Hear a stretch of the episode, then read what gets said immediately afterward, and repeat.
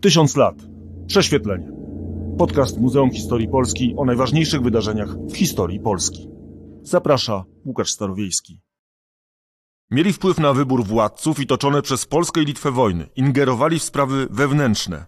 Często daleko przekraczali rolę ambasadorów. Przez cały okres I Rzeczpospolitej papiestwo miało ogromny wpływ na politykę kraju. Pytanie, dobry czy zły? Skąd tak silne wpływy państwa bez armii? Bo wcale nie zawsze i niekoniecznie związane one były z polskim duchowieństwem. Czy tak silny wpływ państwa kościelnego był dla Rzeczpospolitej dobry czy zły? Czy gdyby nie namowy nuncjuszy, nasz kraj toczyłby mniej wojen? Łukasz Starowiejski, zapraszam na kolejny podcast Muzeum Historii Polski. Papieże i królowie. Czy Watykan mocno mieszał w pierwszej Rzeczpospolitej? O tych kontaktach, wpływach i wzajemnym oddziaływaniu porozmawiam dzisiaj z nowożytnikiem, profesorem Wojciechem Tygielskim z Uniwersytetu Warszawskiego. Dzień dobry. Dzień dobry. Zacznę od, te, od trochę trywialnego pytania i pewnie dosyć upraszczającego temat. Wpływ papiestwa, Rzymu czy nuncjuszy był dla Rzeczpospolitej tak ogólnie dobry czy zły? O, nie lubię takiego początku, żeby zaraz wartościować. Bardzo byłoby mi trudno odpowiedzieć na takie pytanie jednoznacznie, dlatego że e, to wszystko zależy od punktu widzenia. E, w moim odczuciu e, to były wpływy generalnie wartościowe, cywilizacyjnie, kulturowo, czy politycznie, no to można oczywiście dyskutować.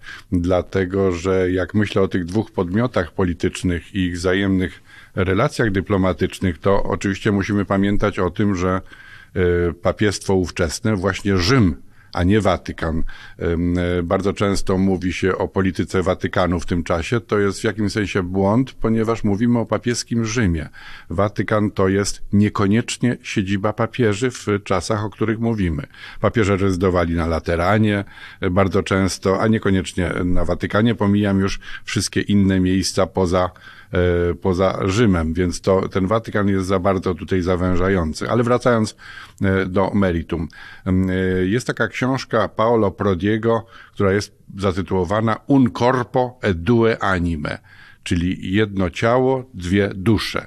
I to jest podkreślenie tej dwoistości papiestwa, e, które polegało na tym, że z jednej strony to była stolica apostolska, zwierzchność świata chrześcijańskiego, a na pewno katolickiego, e, a z drugiej strony było to państwo świeckie, które miało swoje granice, swoją gospodarkę i swoje interesy, które czasem także o Polskę się ocierały, bo są potwierdzenia, że eksportowaliśmy i tam do państwa kościelnego nasze zboże.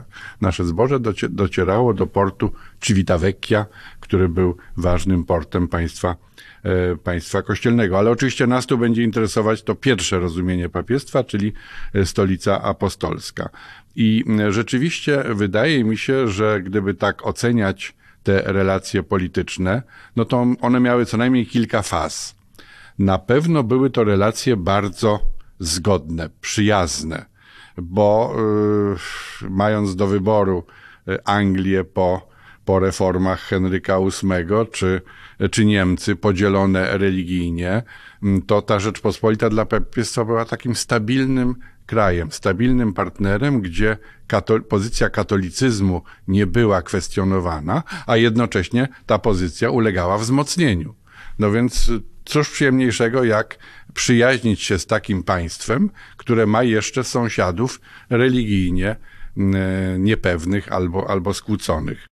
Więc y, nie wiem, jeśli pan pozwoli, to ja bym może wspomniał właśnie o takich dwóch wątkach politycznych, które wydają mi się tutaj e, zupełnie podstawowe. Mianowicie, e, z jednej strony to jest kwestia ekspansji katolicyzmu. E, w naszych władcach papieże widzą rycerzy, którzy będą skłonni nieść wiarę katolicką na wschód. Czyli oni patrzą bardziej ofensywnie niż my przywykliśmy myśleć o, na, o nas jako antemurale. Tak, bo antemurale jest, jest antytureckie przede wszystkim. Natomiast, Ale defensywne z zasady znane. Tu się same. pojawia pewna szansa, prawda, znana z przełomu XVI-XVII wieku, czyli okres Wielkiej Smuty, okres szansy na ekspansję naszą na wschód. Przypominam, że Władysław IV e, przyszły był carem przez jakiś moment Rosji, prawda? I ja dodałbym jeszcze, że Stefan Batory też snuł plany podbicia Moskwy, więc to nie były takie jednostkowe plany. ale Stefan Batory raczej się bronił, prawda? Stefan Batory i jego wyprawy inflanckie z lat 1578, 9, 81 nawet, to są jednak wyprawy, które mają powstrzymać to odwieczne, już wtedy można powiedzieć, parcie Rosji na zachód. Ja mówię o takim końcu e, panowania Batorego, który, kiedy on snuje te plany Moskwa, Konstantynopol, Tak. papiestwo i tak dalej, te plany, które potem e, pojawiają się w kolejnych latach mm, wraz z kolejnymi władcami oraz z kolejnymi papieżami, bo to też jest przecież e, taki, taki plan Zgoda z tym, że no, po pierwsze Batory, Batorego panowanie, jak wiadomo, zostało przerwane w sposób nieoczekiwany wypadkiem na, na polowaniu i, i przedwczesną śmiercią, więc Batory jednak rządził tylko 10 lat i miał różne e, kłopoty, poczynając od Gdańska, który nie bardzo chciał się go słuchać przez właśnie e, ten moment e, agresji e, rosyjskiej czy moskiewskiej, e, czemu się dzielnie przeciwstawił, no to już mamy rok 81, pokój w Jamie Zapolskim, zostaje nam raptem te 5 lat, ma kłopoty wewnętrzne, ale rzeczywiście snuje plany ekspansywne. y, w kierunku wschodnim. Tak. Ja jeszcze, ja oczywiście nie chcę tutaj poświęcać dużo czasu na Stefana Batorego, niezwykłą postać polskiej historii, ale e, bardziej chciałem mm, pokazać, że takie plany różne, nie tylko antymurale, czyli przedmurze, Tak. o którym my wszyscy mówimy i wiemy, w szkole nas uczą o tym, ale też plany w drugą stronę ofensywne. Nie tylko obrona przed niewiernymi, przed Turkami, ale też próba, e, przynajmniej pomysły na to, żeby, żeby pójść w drugą stronę. Próbujmy osadzić to w ogóle, mm, tę naszą rozmowę w jakiejś tam rzeczywistości historycznej, bo zaczynamy mniej więcej przy, e, w okresie Soboru Trydenckiego, czyli nazwijmy to e, momentu, kiedy Kościół katolicki przechodzi do kontrataku. Mm, Po reformacji, która obejmuje Europę, e, próbuje, e, próbuje e, wymyślić, co tu zrobić, żeby nie być tylko e, w tej pozycji defensywnej, a w Polsce kończy się epoka e, jagiellońska. No oczywiście tego współcześnie nie wiedzą, ale my już wiemy. Jest jakby w Polsce też, e, w polskiej historii następuje przełom. E, Powiedzmy chwilę o tym, jak wygląda sytuacja obu, obu organizmów i, i, i, i, i wspólnych ewentualnie interesów lub nie. Y, Bardzo chętnie, bo Sobór Trydencki wydaje mi się bardzo ważną cezurą y, z tego powodu, że, no to jest zresztą ciekawe, rozpoczyna on, jak myśmy się uczyli, pozwolę sobie na liczbę mnogą tutaj, y, to mówiono o okresie kontrreformacji, prawda? Czyli logicznie, że jest to reakcja Kościoła katolickiego, który zwiera szeregi i rozpoczyna kontrofensywę przeciwko no, temu złu, które się wydarzyło w postaci e, reformacji. Historycy Kościoła w większości wolą określenie reforma katolicka, żeby podkreślić, że to nie jest kontra siłowa mniej lub bardziej, tylko raczej właśnie ta zreformowanie się Kościoła, w wyniku czego jego wpływy e, zaczynają z powrotem rosnąć. E, I to jest rzeczywiście nie tylko spór semantyczny, ale, ale taki być może merytoryczny.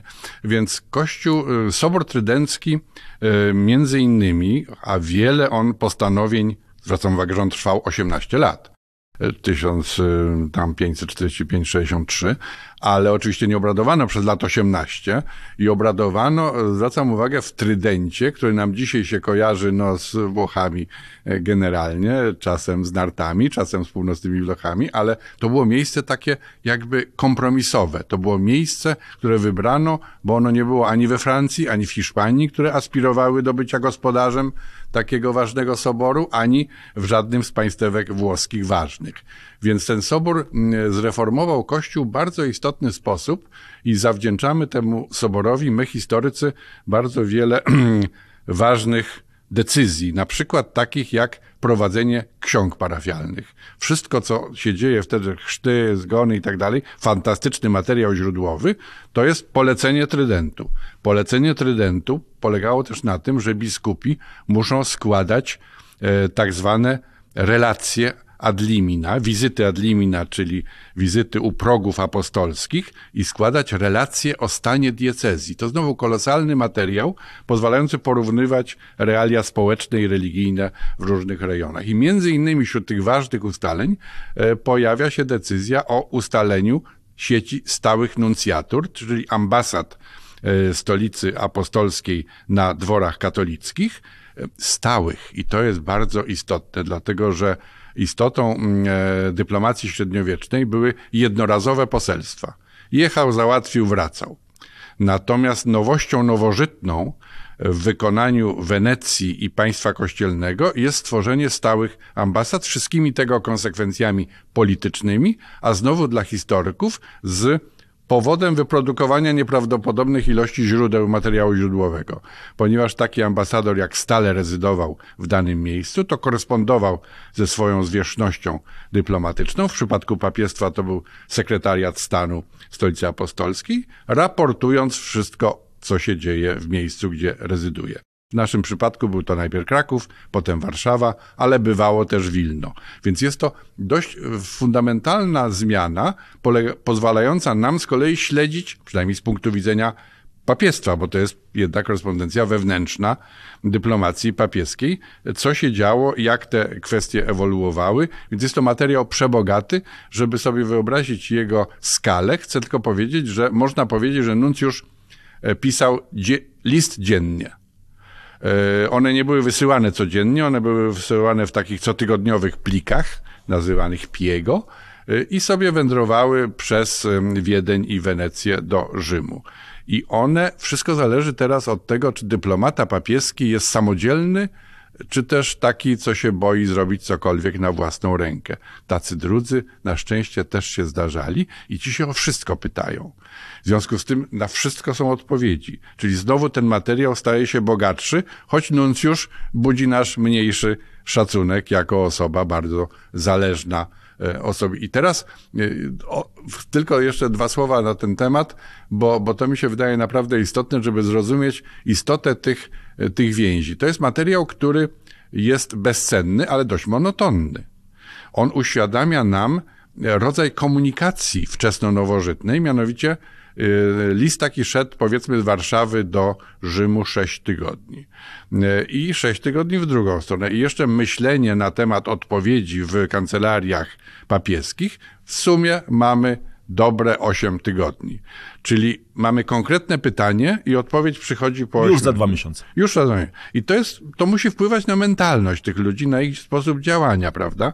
Ale ta korespondencja ma nie tylko znaczenie dla relacji dyplomatycznych, e, tych bilateralnych, ale również dla naszej wiedzy o tym, co o sobie wiedziano, co o Europie wiedziano w Polsce i w drugą stronę, ponieważ bardzo często do tych listów były dołączane tak zwane awizji, czyli takie doniesienia ze świata. What's going on? I jednokartkowe, dwukartkowe i to jednak bardzo wpływało, ponieważ to było potem e, rozsyłane z Rzymu po różnych stolicach europejskich. E, co, wie, co wiedziano wtedy o Polsce? To jest dość istotne, bo my do końca nie wiemy, jak traktowano Polskę w takich ważnych stolicach europejskich. Taki mamy dodatkowy punkt tej enuncjatury stałej, stałego przedstawicielstwa w Polsce, to jest to, że tak naprawdę cała Europa postrzegała nas trochę, przy, przynajmniej po części, przez pryzmat Rzymu. Przez no, pryzmat relacji do Rzymu. Trochę tak, ale wie pan, to mnie zaciekawiło e, w czasie moich licznych lektur na temat Rzymu.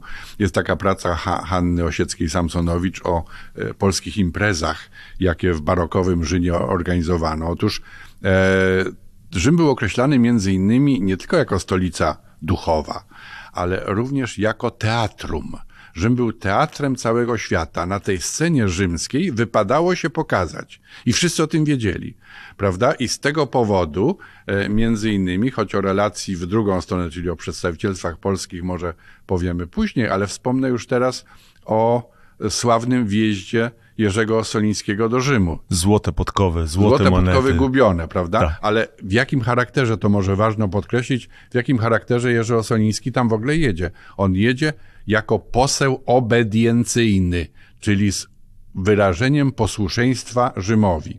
Był obyczaj, że każdy katolicki władca musi e, zaraz po objęciu tronu albo po objęciu tronu papieskiego przez nowego papieża złożyć obediencję.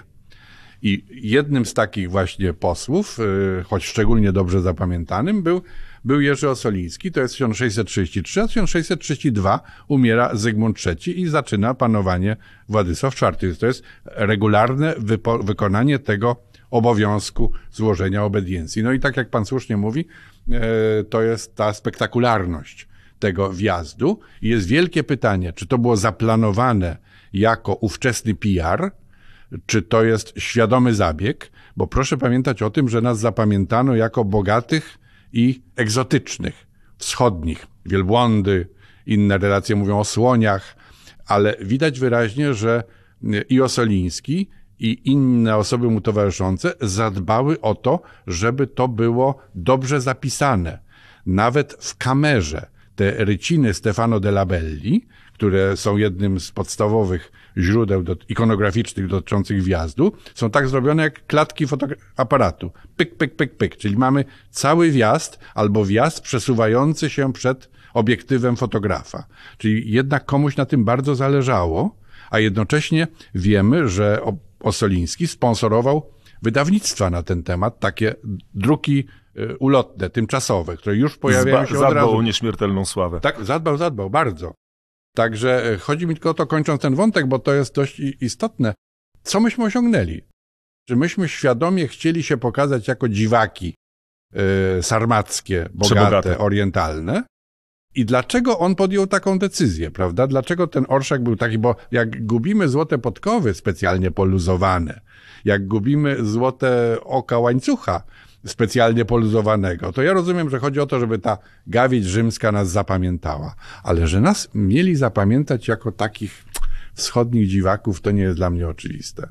No właśnie, to dlaczego? To zapytam się w takim razie, bo to jest jakby część, e, część naszego tematu. Em, Pewnie większość, o większości, większości będziemy się skupiali na Warszawie, Krakowie e, czy Winnie i, i działalności nuncjuszy, ale, e, no, ale ten, ten fragment, fragment właśnie rzymski jest istotny. Po co nam to było? Czy to, czy to było Osolińskiemu potrzebne, czy Polsce, Rzeczpospolitej? To jest kwestia właśnie, jak ja mówię, że ja nie wiem, to pan mnie pyta. To jest to ładnie tak robić. Otóż ja nie wiem do końca. Ja mam, e, ja przypuszczam, że jednak był odruch taki polegający na tym, że pokażemy się jako e, jacy tacy, nie byle jacy.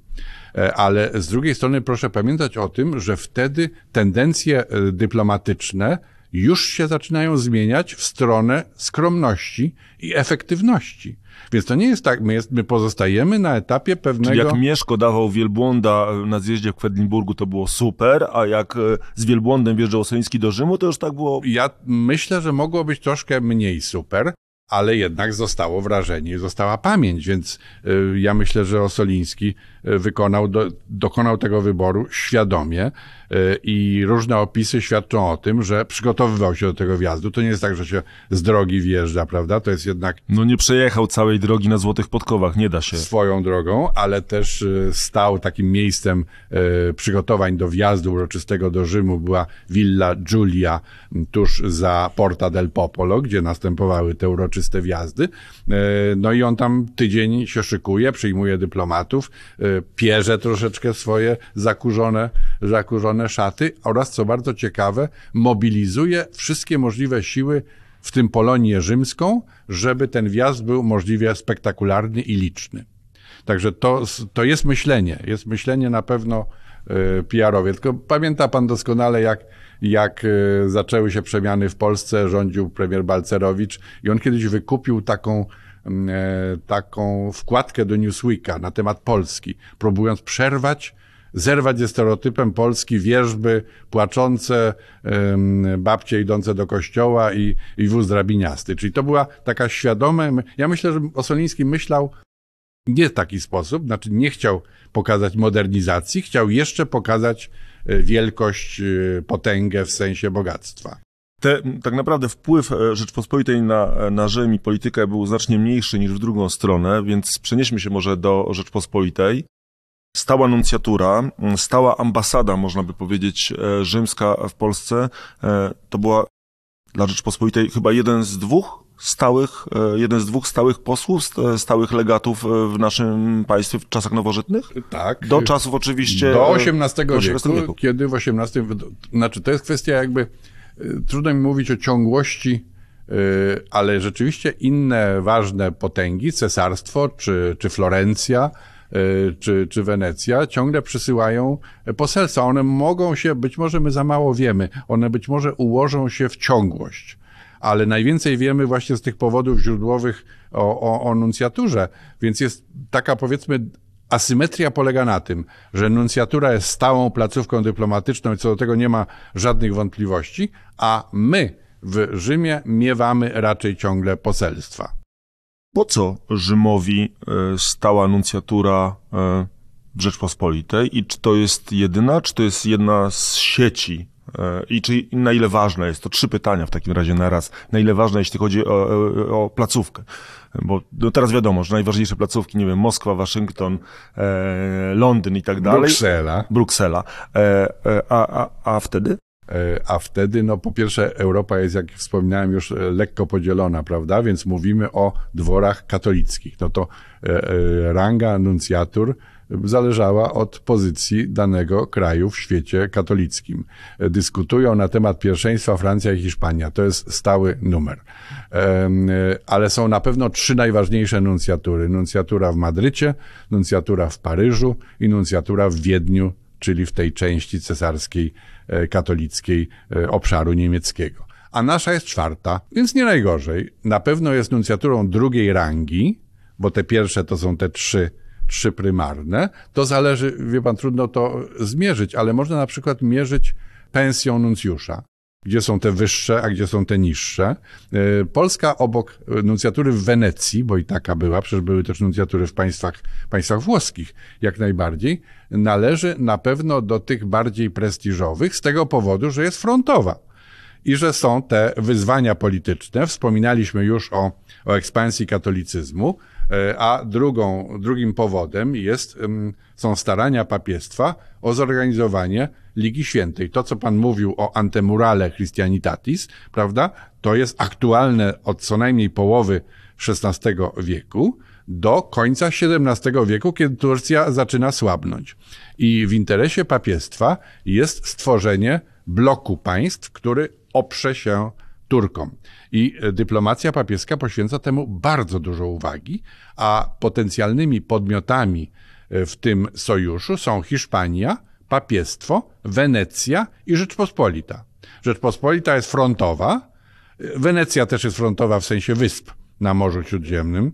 A Austria jako cesarstwo, no też trochę, no bo Turcy idą też na, na Wiedeń, jak, jak wiadomo. Hiszpania jest ogólnie, ma tu zainteresowania takie troszkę zdalne, E, ale też jest e, obiektem takich zabiegów. I teraz Rzeczpospolita, takim najciekawszym i najważniejszym momentem tych starań jest poselstwo kardynała Enrico Caetaniego e, z lat 1596-1597. Przyjeżdża tutaj kardynał ważny i namawia tych naszych polityków, żebyśmy przystąpili do Ligi Antytureckiej. Wtedy dostaniemy potężne subsydia z Rzymu, i pokonamy naszego wroga. I wtedy ci nasi politycy, na czele z kanclerzem Janem Zamojskim, którego e, lubię i szanuję, choć ma on wielu przeciwników. Mówią, Jedna z najwybitniejszych postaci w historii Polski. Prawda, cieszę się, że pan też jest tego zdania.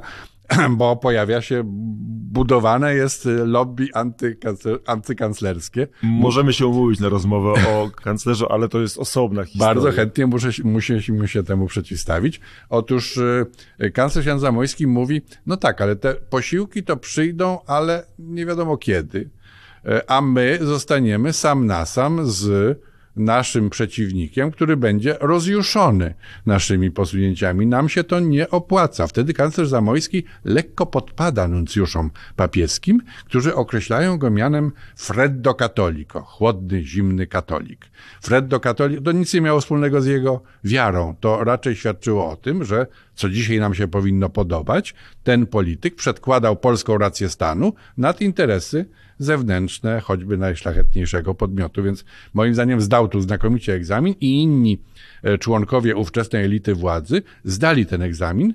No i jak wiadomo z historii, potem nas troszkę atakują ci Turcy. Mamy Cecorę i, i, i bitwę pod Wiedniem, te, czy też oblężenie obozu pod Wiedniem 1621.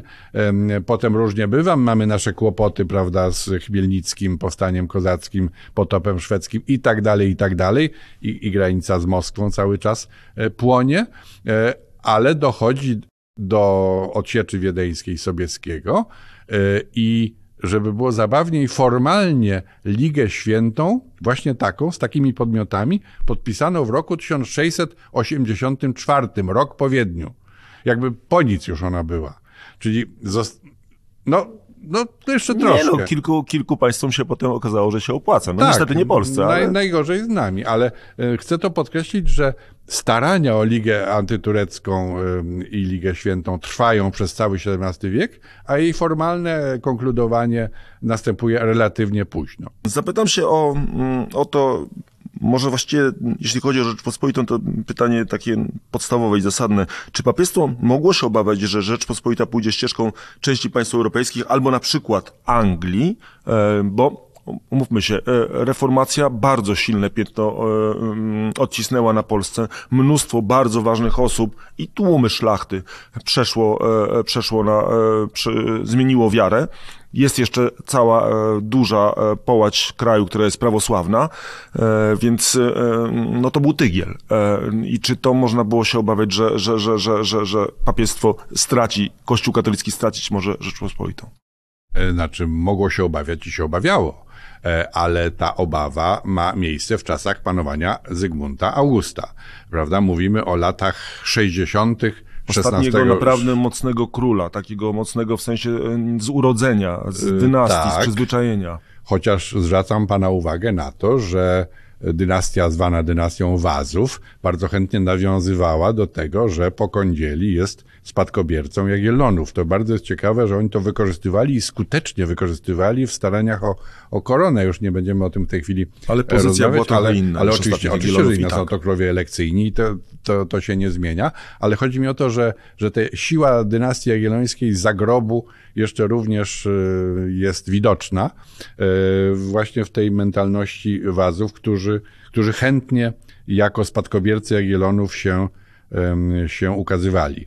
Natomiast y, ten moment Zygmunta Augusta no, jest bardzo istotny i też pokazuje wagę nuncjatury, bo pytał pan o to, co papiestwo ma z tego, że ma nuncjusza na dworze? No ma kogoś ważnego, kto przypatruje się polityce wewnętrznej, kto dba o interesy Kościoła katolickiego, o rozwój seminariów, na przykład jak już jezuici zaczną je tworzyć, o e, pozycję zakonów poszczególnych, e, czy na przykład o to, żeby jakieś w tych zakonach konflikty przesadne nie, nie powstawały. Ale to, co może zrobić taki reprezentant dyplomatyczny papiestwa, to jest dbanie o, że, że, powiedzmy sobie, poprawność polityki nominacyjnej. E, jak wiadomo, e, nasi władcy nie byli przesadnie e, silnymi, daleko mówić o, o centralizacji władzy, a jak próbowali scentralizować władzę choć troszeczkę, czy ją wzmocnić, to natychmiast po, powstawały rokosze i jakieś okropne protesty. E, natomiast mogli prowadzić politykę nominacyjną, to znaczy mianować senatorów. A e, senatorowie w Rzeczypospolitej byli mianowani dożywotnio. W związku z tym możliwość kształtowania składu personalnego Senatu wymagała długiego panowania. Na szczęście dla katolicyzmu Zygmunt III Waza panował 45 lat, czyli bardzo relatywnie długo. I mówi się, że za czasów jego panowania następuje zmiana, bardzo poważnym stopniu eliminacja e, żywiołów różnowierczych z Senatu. No to ten nuncjusz, jak siedzi cały czas przy nadworze, no to szepnie słówko, że nie mianujmy tego Radziwiła, bo to, bo to kalwinista, tylko jakiegoś tam innego innego katolika. Moim zdaniem Tym to... bardziej, że Zygmunt III Waza był bardzo ortodoksyjnie katolicki, więc i, i, i, i, i na podszepty y, y, no, dawał się tym podszeptom ze chętnie, strony. znaczy, chętny, chętny, chętny do nastawiał ucho, znaczy, ale nastawiał proszę zwrócić no uwagę, bo to też jest ciekawe, że przecież Zygmunt III Waza został wybrany y, królem w konkurencji z Maksymilianem Habsburgiem. Łatwo się domyśleć, komu sprzyjało Rzym, już chciałem ja powiedzieć Watykan, proszę zwrócić uwagę, Watykan się nasyła, komu Rzym sprzyjał e, w 1587 roku. Oczywiście Habsburgowi. To była pewna E, pewny wybór. Nawet był taki nacisk, żeby był koronowany e, Maksymilian ze strony nuncjusza. No w ogóle była podwójna... I został tak, koronowany. I był ten wspaniały, bardzo mnie zawsze fascynujący wyścig do Krakowa, który pierwszy z wybranych e, królem tam dotrze i jak wiadomo dotarł pierwszy Maksymilian, ale pod mury Krakowa, bo te mury umocnił Zamojski i, i jego ludzie, prawda? Nie będziemy teraz Który zresztą Maksymiliana do niewoli na chwilę wziął. Ale to już też A tak. osobna I historia. trzymał w Krasnym Stawie, to prawda. To jeszcze wróćmy do tego, w- do tego pytania do właśnie tego pytania o, o tym to- polski kościół, nazwijmy to, bo, bo była nawet propozycja biskupów, by, by pozwolono odprawiać mszę po polsku, żeby księża mogli się żenić, e, odrzucona przez papiestwo. Ale jeżeli nawet polscy biskupi wystosowali tego typu propozycje, to znaczy, że no coś się działo. co się działo i właśnie to pokazuje e, w tym momencie rolę nuncjatury, a też takiego nuncjusza e, Giovanniego Francesca Comendone, który był nuncjuszem e, w latach 1563-65 e, i nastąpił zaraz po takim nuncjuszu, który z kolei się nazywał Berardo Bongiovanni i był trzy lata wcześniej nuncjuszem. I ten Berardo Bongiovanni był taki łagodny, w stosunku do nowinek religijnych. Tolerancyjny, rozumiał miejscowe zwyczaje i to się okazało nieskuteczne i zostało źle odebrane w Rzymie i ten nuncjusz został dość szybko odwołany, bo normalnie kadencja e, nuncjusza, jak i całej dyplomacji, zwracam uwagę, że do, do czasów dzisiejszych to jest 4 lata ambasady, więc z wyjątkiem ambasadorów amerykańskich, którzy są dwuletni, e, to wszyscy na ogół są czteroletni, łącznie z naszymi dzisiejszymi dyplomatami. Otóż zamieniono tego Bondziewanniego na komendonę, e, po pierwsze zamieniając człowieka nie tak ważnego w sensie urodzenia i prestiżu na rzecz kogoś, kto reprezentował sobą i swoją rodziną znacznie więcej, ale też człowieka przygotowanego do polemiki religijnej. W otoczeniu nuncjusza Komendone przyjechali szermierze katolicyzmu, którzy skutecznie czy nie, trudno to oceniać, stawili czoła e, tym wyzwaniom e, reformacyjnym i na tyle byli skuteczni, że ten proces właśnie kontrreformacyjny został wtedy gwałtownie przyspieszony, zaczęły powstawać kolegia jezuickie, a jak już one powstały i zostały dobrze zorganizowane i nieźle wyposażone, jeśli chodzi o kadrę nauczającą, to po następnym pokoleniu zaczęły przynosić efekty w postaci wyedukowanych w kolegiach jezuickich ludzi, którzy potem jeszcze jeździli, jeździli na zachód z różnymi e, efektami, ale to inny, inny temat. Więc mnie się wydaje, że ten moment obecności nuncjusza jako jedynego, do dzisiaj przecież jest y, dziekanem korpusu dyplomatycznego, czyli z jakichś powodów grzecznościowych, ale może nie tylko, ma to pierwszeństwo, że to miało znaczenie sama obecność, sama codzienność, bo jednak nuncjusz z zasady rezyduje na dworze. Y, Są różne dyskusje, gdzie oni mieszkali naprawdę, ci nuncjusze. Nie ma tu jasności. Jedni mówią, że na długiej u Teatynów, a drudzy, i ja do nich należę, że przy Świętej Annie em, miał e, rezydencję. No to już naprawdę bliziutko. Bliziutko. Centrum Wacy. Prawda? Tak. Było jakieś 100 metrów, czy może 200. Nie, 200 nie nawet. E, mm, no dobrze, czyli można powiedzieć, że nuncjusze zatrzymali e, tę heretycką nawałę, nazwijmy to, czy też próbę stworzenia e, kościoła autonomicznego polskiego, mm, e, ale też mm, mieli swoje plany i próbowali doprowadzić do tego, co się okazało takim bardzo bolesnym, tragicznym eksperymentem e, przez całe wieki, czyli stworzenie kościoła unickiego, tego na wschodzie, czyli jakby sprowadzenie na właściwą drogę braci e, e, prawosławnych, braci ze wschodu.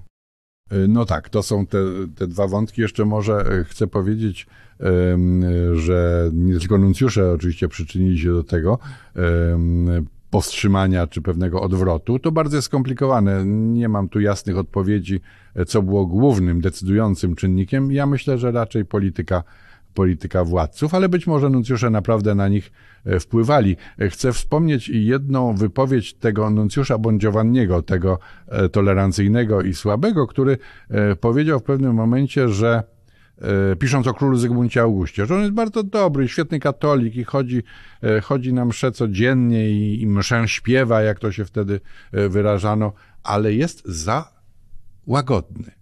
Czyli za mało jest ofensywny. Z punktu widzenia, to była ta wada już tego Jagielona, a co mówić o, o, o następnych władcach. Więc mi się wydaje, że Zygmunt III tu jednak jest postacią decydującą, bo Władysław IV miał znowu opinię taką bardziej tolerancyjnego e, władcy. Zresztą jedno z niewielu takich wyraźnie w historii zaznaczonych konfliktów między władcą a nuncjuszem e, to jest właśnie konflikt Władysława a. IV z początku panowania. Piękny a, no tak. Konflikt, o, o, zresztą kolumnę jego ojca. To bardzo sympatycznie, że pan to przypomina, dlatego że to też w jakimś sensie daje mi okazję, żeby pochwalić te materiały nuncjatury, dlatego że bardzo wiele wiemy na temat budowy kolumny, skąd e, był materiał, kto to wznosił, kto budował rusztowanie, żeby to postawić. Wyobraźmy sobie, e, co to była za inżynierska sprawa, żeby to wturlać od Wisły na, na plac zamkowy i tak dalej, i tak dalej, więc szacunek e, dla, dla tych działań. To wszystko jest bardzo e, dokładnie opisane e, przez nuncjusza Mario Filonardiego, który wtedy był właśnie nuncjuszem i który e, spierał się z królem Władysławem. Na ten temat pisała bardzo ciekawie profesor E, Teresa Chęczeska-Henel, więc ja nie chciałbym jej tutaj zastępować, ale jak Ale możemy w skrócie Ale możemy w skrócie powiedzieć, że e, są dwie e, wersje tego sporu. Jedna właśnie dotyczy kolumny, mianowicie postawienie osoby świeckiej na kolumnie miało być z punktu widzenia papiestwa czymś niewłaściwym. Na takich kolumnach powinien być tylko święty, Matka Boska albo któryś ze świętych. No a tu Władysław, kochając statusia, jak widać bardzo, yy, odszedł od tej, od tej zasady i to się miało nie podobać yy, Filonardiemu. Yy, ale zdaniem profesor Chęczeskiej, jeśli dobrze pamiętam, to był tylko jeden z powodów, a pewne animozje między królem a nuncjuszem wynikały też z nieskuteczności polityki protekcyjnej króla. To jest dość ciekawe, jeśli jeszcze pan pozwoli pół minuty na ten temat. Mianowicie e, królowie nasi, którzy na ogół lubili swoich nuncjuszy, chcieli coś dla nich zrobić i dla ich dalszej kariery. Bo dalsza kariera mogła polegać na tym, że albo się jakąś kurialną e, pozycję uzyska i to było bezdyskusyjnym awansem, albo zostanie się nuncjuszem w miejscu bardziej prestiżowym. Owym Madrycie, wspomnianym Paryżu czy, czy Wiedniu. Potem może się zostać nawet papieżem. Ale oczywiście to się zdarzało. E, I to, co mógł ten władca zrobić dla swojego sympatycznego nuncjusza, to jest zapewnić mu kapelusz kardynalski. I bardzo wiele w różnych momentach. Ja, ja to znam z czasów mojego nuncjusza Francesco Simonetti, a więc e, z czasów początków XVII wieku. Mówię mojego, bo zajmuję się edycją od wielu lat materiałów tej nuncjatury. Z wątpliwym skutkiem się zajmuję, ale się zajmuję. E, otóż e, albo taki papież reagował pozytywnie, ale bardzo często nie chciał spełnić prośby króla, bo miał inne powody, żeby innych ludzi mianować kardynałami. I królowie potrafili się o to strasznie obrażać. I Zygmunt III był z tego powodu, proszę sobie wyobrazić, obrażony na ród Barberinich, bo wtedy był papieżem e, papież Paweł V. E, co ja mówię, nie Barberin, tylko Borgese. Proszę to ewentualnie mnie uratować z powodu tej pomyłki. Otóż Paweł V. Sam Borge... pan profesor się uratował, nic nie trzeba robić. E, no dobrze. E, w każdym razie Paweł V. Borgese 1605-1621 na dowód, że wiem o co, o, o co mi chodzi, był takim właśnie papieżem, który nie posłuchał wielokrotnych próśb Zygmunta III, żeby mianować nuncjusza niejakiego Claudio Rangoniego kardynałem. I z tego powodu, jak Władysław Waza jedzie do Rzymu w ramach swojej sławnej podróży zagranicznej 1624-25, to ma w instrukcji powiedziane, że musi ominąć e, Rudborgese, nie spotkać się w ogóle e, z kardynałem i nie odwiedzić e, Willi Borgese. Ale już wtedy każdy głupi wie, że w Willi Borgese jest wspaniała kolekcja obrazów. W związku z tym oni chcą ją zobaczyć i urządzone to jest w taki sposób, że kiedy wiadomo, że e, kiedy kardynał Borgese jest e, służbowo u papieża, to Władysław w czasie nieobecności pana domu odwiedza willę Borgese, ale może o tym kiedyś przy okazji, bo to jest ciekawa, ciekawa A to jest kolejny zabawa. taki e, przyczynek do, tej, do tych historii e, kontaktów, e, powiedzmy rzymsko, nazwijmy to rzymsko-warszawskich, e, czy, czy, czy, czy, czy Rzeczpospolitej i państwa kościelnego no w każdym razie mowa jest o tym, że, że ten Filonardi również y, rozdrażniał króla nieskutecznością spełniania jego, jego próśb, a poza tym chyba panowie, tak wydaje mi się, pamiętam z prac profesor Chęczewskiej, osobowościowo mm, nie pasowali sobie. No w każdym razie jedyny w naszych dziejach przypadek e, opuszczenia nuncjatury w trakcie, w trakcie kadencji 1643, jeśli dobrze pamiętam. Wróćmy do tego kościoła unickiego. A no dobrze, to trudny temat bardzo. To trudny temat, e, ale Dotknijmy go tylko e, z punktu widzenia kontaktów watykańsko-rzeczpospolitej, czyli na ile nacisk papiestwa czy nuncjuszy był tutaj istotny. Znowu walczę najdelikatniej jak potrafię z tymi watykańskimi, ale... Powiedziałem watykańskie znowu? Tak. Ale nic, no. Strymica nada, jak to mawiają. Otóż mm, to jest trudny temat, dlatego że no, on ma w sobie tę zaborczość i ekspansywność, która w dzisiejszych kryteriach no, nie jest bardzo pochwalana, ale z punktu widzenia tamtych ludzi, no to oni robili dobrze tym błądzącym prawosławnym, których intensywnie namawiali, żeby przyjęli zwierzchność papieża i uznali e, jakby swoją przynależność do, do tego świata bardziej zachodniego. To się udało, jak wiadomo, no bo taka była decyzja e, Unii Brzeskiej i to nas doprowadziło do podziału w kościele prawosławnym. E, dramatycznego podziału, który e, doprowadził do, do wielu konfliktów, do wielu, wiele krwi zostało przelane z tego powodu, znacznie później, ale tutaj nastąpił tak by jakby wyłom, znaczy część tych ludzi stanowiących hierarchię prawosławną przeszło na stronę rzymską, więc był to jakiś sukces z punktu widzenia z punktu widzenia papiestwa, oczywisty sukces, który następnie E, był kontynuowany tymi zachętami do e, wyprawy na wschód, do ekspansji wschodniej, o której żeśmy wspominali, prawda? Tutaj na pewno papiestwo nie miało wątpliwości, że popiera e, interwencję zbrojną Rzeczypospolitej w Wielkim Księstwie Moskiewskim, co jak wiadomo było ułatwione, możliwe i w, przez jakiś czas jak wiemy, polska załoga. Przypomnijmy, że nawet nuncjusz Zygmuntowi III e, mówił o krucjacie, kiedy on szedł pod Smoleńsk ostatecznie, a,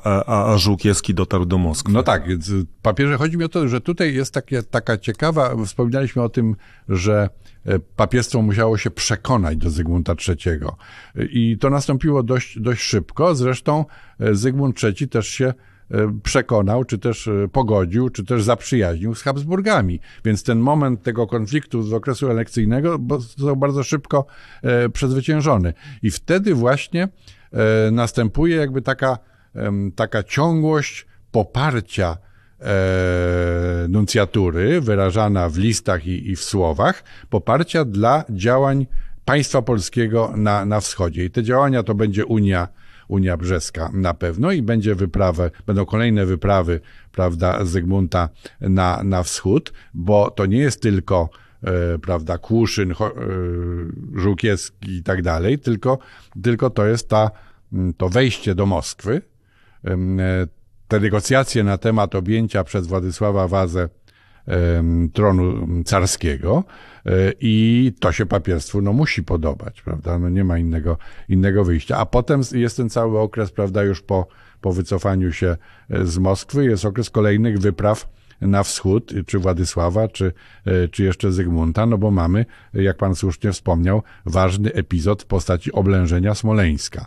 Smoleńsk jest oblegany do 1611 roku i następnie Yy, Smoleńsk się poddaje wreszcie i to jest ten taki moment, kiedy nuncjatura jedyny raz przenosi się do Wilna, bo jest bliżej Teatru Działań Wojennych. Król osobiście oblega Smoleńsk, a nuncjusz i królowa przebywają w Wilnie. I przypominam jeszcze o tym epizodzie ważnym emocjonalnie dla strony polskiej, czyli o pojmaniu carów szujskich przez hetmana Żółkiewskiego, sprowadzeniu ich do Warszawy i uroczystości, która nazywana jest fachowo e, nie hołdem, jak przez lata była nazywana, tylko pokłonem carów szujskich. Oni nie byli carami, już byli zdetronizowani, ale ale symbolika... Wtedy, e, wtedy obok króla polskiego stał e, aktualny, e, aktualny car wybrany przez bojarów, bo to był Władysław.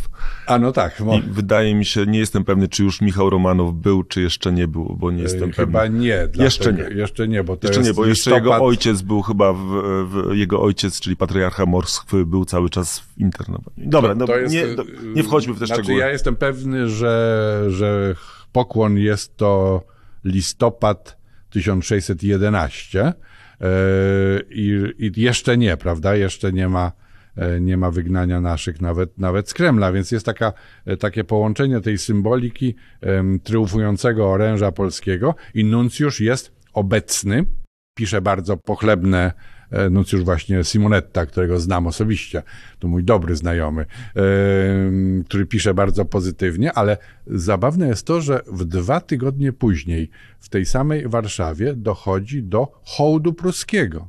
Nikt już nie pamięta, pamiętamy o hołdzie pierwszym pruskim, prawda? Ale potem następują kolejne hołdy. Nie wchodząc w te detale, ten hołd pruski następuje w wyniku e, targów politycznych e, i stopniowego jakby odstępowania Rzeczypospolitej z uprawnień zwierzchności w stosunku do Prus książęcych. I nuncjusz porównuje te dwa hołdy. I to jest bardzo ciekawe, ponieważ on pisze, że ten hołd pruski będzie miał długofalowe konsekwencje negatywne, bo on y, jest hołdem, ale jest hołdem takim słabszym, takim y, obwarowanym licznymi E, licznymi ustępstwami ze strony polskiej. Za co? Za subsydium finansowe związane z potrzebami moskiewskimi. Więc e, jakby te różne sprawy się tutaj e, zbiegają, ale podobał mi się ten mój nuncjusz, który długofalowo widział konsekwencje, o których my potem uczyliśmy się w szkole, jak to te Prusy połączą się tam Brandenburgia z Prusami, powstaną Wielkie Prusy i doprowadzą do rozbiorów. To kolejny, kolejny temat na zupełnie inną rozmowę.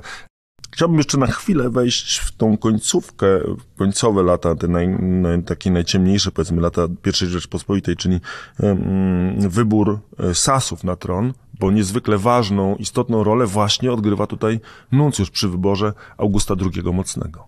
Tak, y, to jest y, cały czas ta aktywność, ale ona jakby robi się taką e, aktywnością, powiedziałbym, rutynową. To znaczy, cokolwiek się nie dzieje, tu jest pewne zaufanie, ale też jest próba E, ingerowania e, nawet na polu elekcyjnym w dokonywane wybory, bo zwracam uwagę, że formalnie posłowie obcy na polu elekcyjnym nie mieli prawa się pojawiać, ale dla nuncjusza robiono tutaj pewne, pewne wyjątki i jest nawet taka, e, taka rycina bardzo ciekawa, na której nuncjusz Galazzo Marescotti, postać skądinąd bardzo interesująca, bo to autor takiego wademekum dla nuncjuszy w Polsce, e, czyli e, ten porównanie z tekstem Stanisława Mińskiego, na którego się ewentualnie rozmowa, o którym się umówimy, e, pokazuje, że i ta druga strona uznała w pewnym momencie za niezbędne wydanie instruktażu, jak trzeba się zachowywać, żeby być skutecznym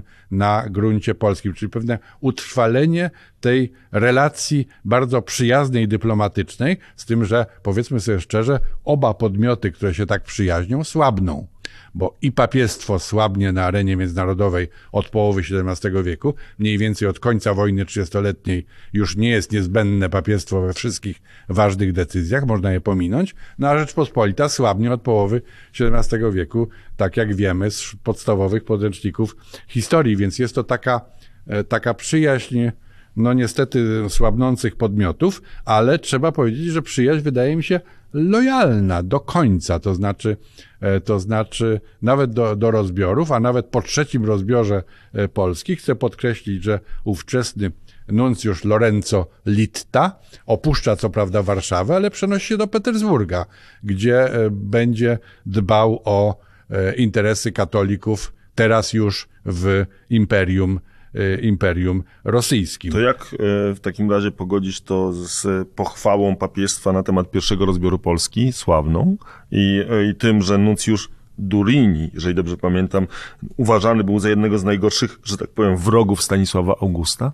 Ale to porusza pan ten bolesny temat, że bar bardzo często w relacjach e, pomiędzy papiestwem a Polakami, bo już trzeba zacząć mówić o o Polakach i myśleć też o czasie rozbiorów, no Polacy bywali zawiedzeni. Ale to bym nazwał, ja tego nie pochwalam oczywiście, może rzeczywiście zbyt przelukrowałem ten, ten obraz. Dobrze, że mnie pan na tym przyłapał, ale mi się wydaje, że tu jest taki tradycjonalizm papiestwa, które popiera władzę królewską, jak tylko to jest możliwe, a w pewnym momencie dojdzie do tego, że poprze jej konfederację tar, targowi, barską, ale i targowicką, bo barską to jeszcze pół biedy. Barska to jest taki, e, taki Katolicyzm, sól ziemi, nasza szlachta, tak. prawda, przeciwko jakimś oświeceniowym e, wynaturzeniom, prawda. I e, oraz innowiercom. O tak. Natomiast e, nawet targowicką, bo już, bo ten legalizm. I potem to wchodzimy w wiek XIX, gdzie, jak wiadomo, są te liczne audiencje Polaków, a, a to papiestwo, nie, zna, nie mogę wytłumaczyć tego, papiestwo woli, woli te dwory. No, że woli dwór wiedeński, katolicki, to rozumiem, ale czasem nawet wygląda na to, że woli spokój w Europie e, i ten, i ten pokój, ten paks ogólny wielkich mocarstw, które są, cośmy już mówili, nie... Zbliżamy się do końca naszej rozmowy. Jakże szybko upłynęło. Jakże szybko upłynęło. To jeszcze takie otwarte pytanie zadam, panie profesorze, czy warto jeszcze o czymś powiedzieć, o czym nie powiedzieliśmy? Bo z grubsza te 300 lat tych, e, tych kontaktów naszych, e, no trochę pobieżnie, nie da się inaczej, e, przeszliśmy. Czy warto jeszcze o Ja myślę, że warto jeszcze wrócić na moment do, do kwestii tego polskiego Rzymu. Bo mówiłem o tym Rzymie jako jako teatrum, jako takiej pewnej wspólnocie, co zresztą miałem okazję obserwować, bo, bo ja tam bywałem, prawda, w czasie pontyfikatu Jana Pawła II i miałem świadomość, jak bardzo ten Rzym jest również nasz, ale nie tylko z powodu polskości papieża. E, to było częściowo oczywiście tym spowodowane, ale że on nam się przybliżył, że stał się taki jakby e, osiągalny i tłumy tych ludzi tam oczywiście jeździły, ale jak pisał Jan Parandowski, każdy ma taki Rzym, na jaki zasługuje. W związku z tym e, różne poziomy percepcji e, tego Rzymu były oczywiście e, możliwe, ale wracam do tego, że różne kościoły i różne nacje miały taki, taką ambicję, żeby tworzyć w Rzymie, mówię o XVI wieku, takie swoje przyczółki. To mogło być hospicjum dla E, pielgrzymów. E, to mogła być kolegium w sensie nauczania. E, to mogło być wreszcie Kościół Narodowy. I te wszystkie trzy wymogi myśmy w XVI wieku dzięki wielkiej postaci z tych kręgów, o której żeśmy nie wspomnieli, czyli dzięki kardynałowi Stanisławowi Chozjuszowi, myśmy osiągnęli, bo powstał wtedy właśnie w XVI wieku Kościół Świętego Stanisława, czy też był przekazany Polakom Kościół Świętego e, Stanisława przy Botteghe Oscure. Powstało tam zaraz hospicjum i kolegium polskie, czyli mieliśmy ten minimalny zestaw atrybutów, które pozwalały nam funkcjonować w Rzymie jako ważny naród. Naród w rozumieniu nacja, oczywiście ówczesna. I to było takie ważne wspomożenie tej polskiej obecności, a że ona była dość intensywna, to poza postaciami naszych tych posłów, którzy troszkę tam rezydowali, e, że wymienię biskupa warmińskiego e, Kromera, Marcina Kromera, czy też niejakiego Jerzego Styczyna, który e, w Rzymie w drugiej połowie XVI wieku dość długo rezydował i korespondował i z władcami, i przede wszystkim z Marcinem Kromerem właśnie i z, Radziwi, i z Marcinem Kromerem głównie, to chcę powiedzieć, że w Rzymie istniała taka funkcja jak kardynał protektor narodu polskiego. Byli różni kardynałowie protektorzy różnych nacji i taki kardynał protektor, troszkę przypominający dzisiejszego konsula honorowego. Jest taka instytucja, bogaty biznesmen postanawia być konsulem danego kraju w drugim kraju. Albo znany artysta, albo ktoś. Albo znany artysta, ale z jakichś powodów prestiżowo mu to, mu to pasuje. Kardynałowie protektorzy nie mamy do końca jasności, czy wynagradzani i czym wynagradzani przez polskich władców, ale nie wykluczam tego. Pełnili swoje funkcje, to znaczy pilotowali załatwianie spraw polskich kurii rzymskiej. A tych spraw było mnóstwo. Nominacje biskupie, jakieś tam sprawy zakonu. Bez przerwy ktoś z jakichś powodów, głównie kościelnych, ale nie tylko, jeździ do Rzymu i okazuje się, że ten kardynał protektor jest potrzebny, a kardynałami protektorami Polski były wybitne osoby. Alessandro Farnese czy Giovanni Morone w wieku XVI, e, czy Virginio Orsini e, w wieku XVII, czy, czy Cosimo de Torres trochę wcześniej. I te osoby najwyraźniej są takimi ambasadorami Polski no nie urzędowymi, ale realnymi. Z nimi się kontaktują ludzie przyjeżdżający i oni mają bardzo często, to cza czasem bywają byli nuncjusze w Polsce. I jak się czyta różne relacje dotyczące kontaktów polsko-włoskich, to widać wyraźnie, że w tych kontaktach wyodrębniają się osoby związane z nuncjaturą, albo pełniące same funkcje nuncjuszy i one czują się zobowiązane, żeby tych przybyszy z Polski na różne sposoby wspierać. Także to jest sympatyczny, moim zdaniem, taki rys, utrwalający tę sieć kontaktów osób, których nie było tak wiele. Bo zawsze jak czytam relacje e, z podróży, to mnie zdumiewa, że oni wszyscy się znają. E, bo ich jest tak nieliczne grono, prawda, że, że ci podróżujący, uczący się i tak dalej tworzą taką komunizm, taką wspólnotę Europejczyków, ale może o tym kiedyś Właśnie, porozmawiamy. ogólnie całej Europy, nie tylko, że Polacy z Polakami i tak dalej, i tak dalej. Europa była e, pod tym względem tych elit bardziej, mm, jakby to nazwać, klanem pewnym, pewną grupą może Tak. e, wydzieloną, znającą się, często skoligaconą, ale to już zupełnie inna Ale historia. myśmy do niej należeli. Ale myśmy do niej należeli, I nie musimy prawda. tego na siłę potwierdzać, to jest po prostu oczywista oczywistość. Oczywista oczywistość, tak właśnie skończymy naszą rozmowę. Naszym gościem, osobą, która oprowadzała nas po stosunkach rzymsko-warszawskich, rzymsko-krakowskich, rzymsko czasami wileńskich, czyli mm, stosunkach między państwem kościelnym a Rzeczpospolitą e, w e, dobie nowożytnej był Wojciech, profesor Wojciech Tygielski z Uniwersytetu Warszawskiego. Dziękuję bardzo. I ja bardzo dziękuję. I to wszystko w dzisiejszym podcaście, ale oczywiście zapraszam na następne. Do usłyszenia, Łukasz Starowiejski. Tysiąc lat. Prześwietlenie. Podcast Muzeum Historii Polski o najważniejszych wydarzeniach w historii Polski. Podcastów Tysiąc lat prześwietlenie wysłuchasz na YouTube, Spotify, Google Podcast, Audiotece, a także na innych platformach podcastowych. Chcesz być na bieżąco? Subskrybuj kanał Muzeum Historii Polski.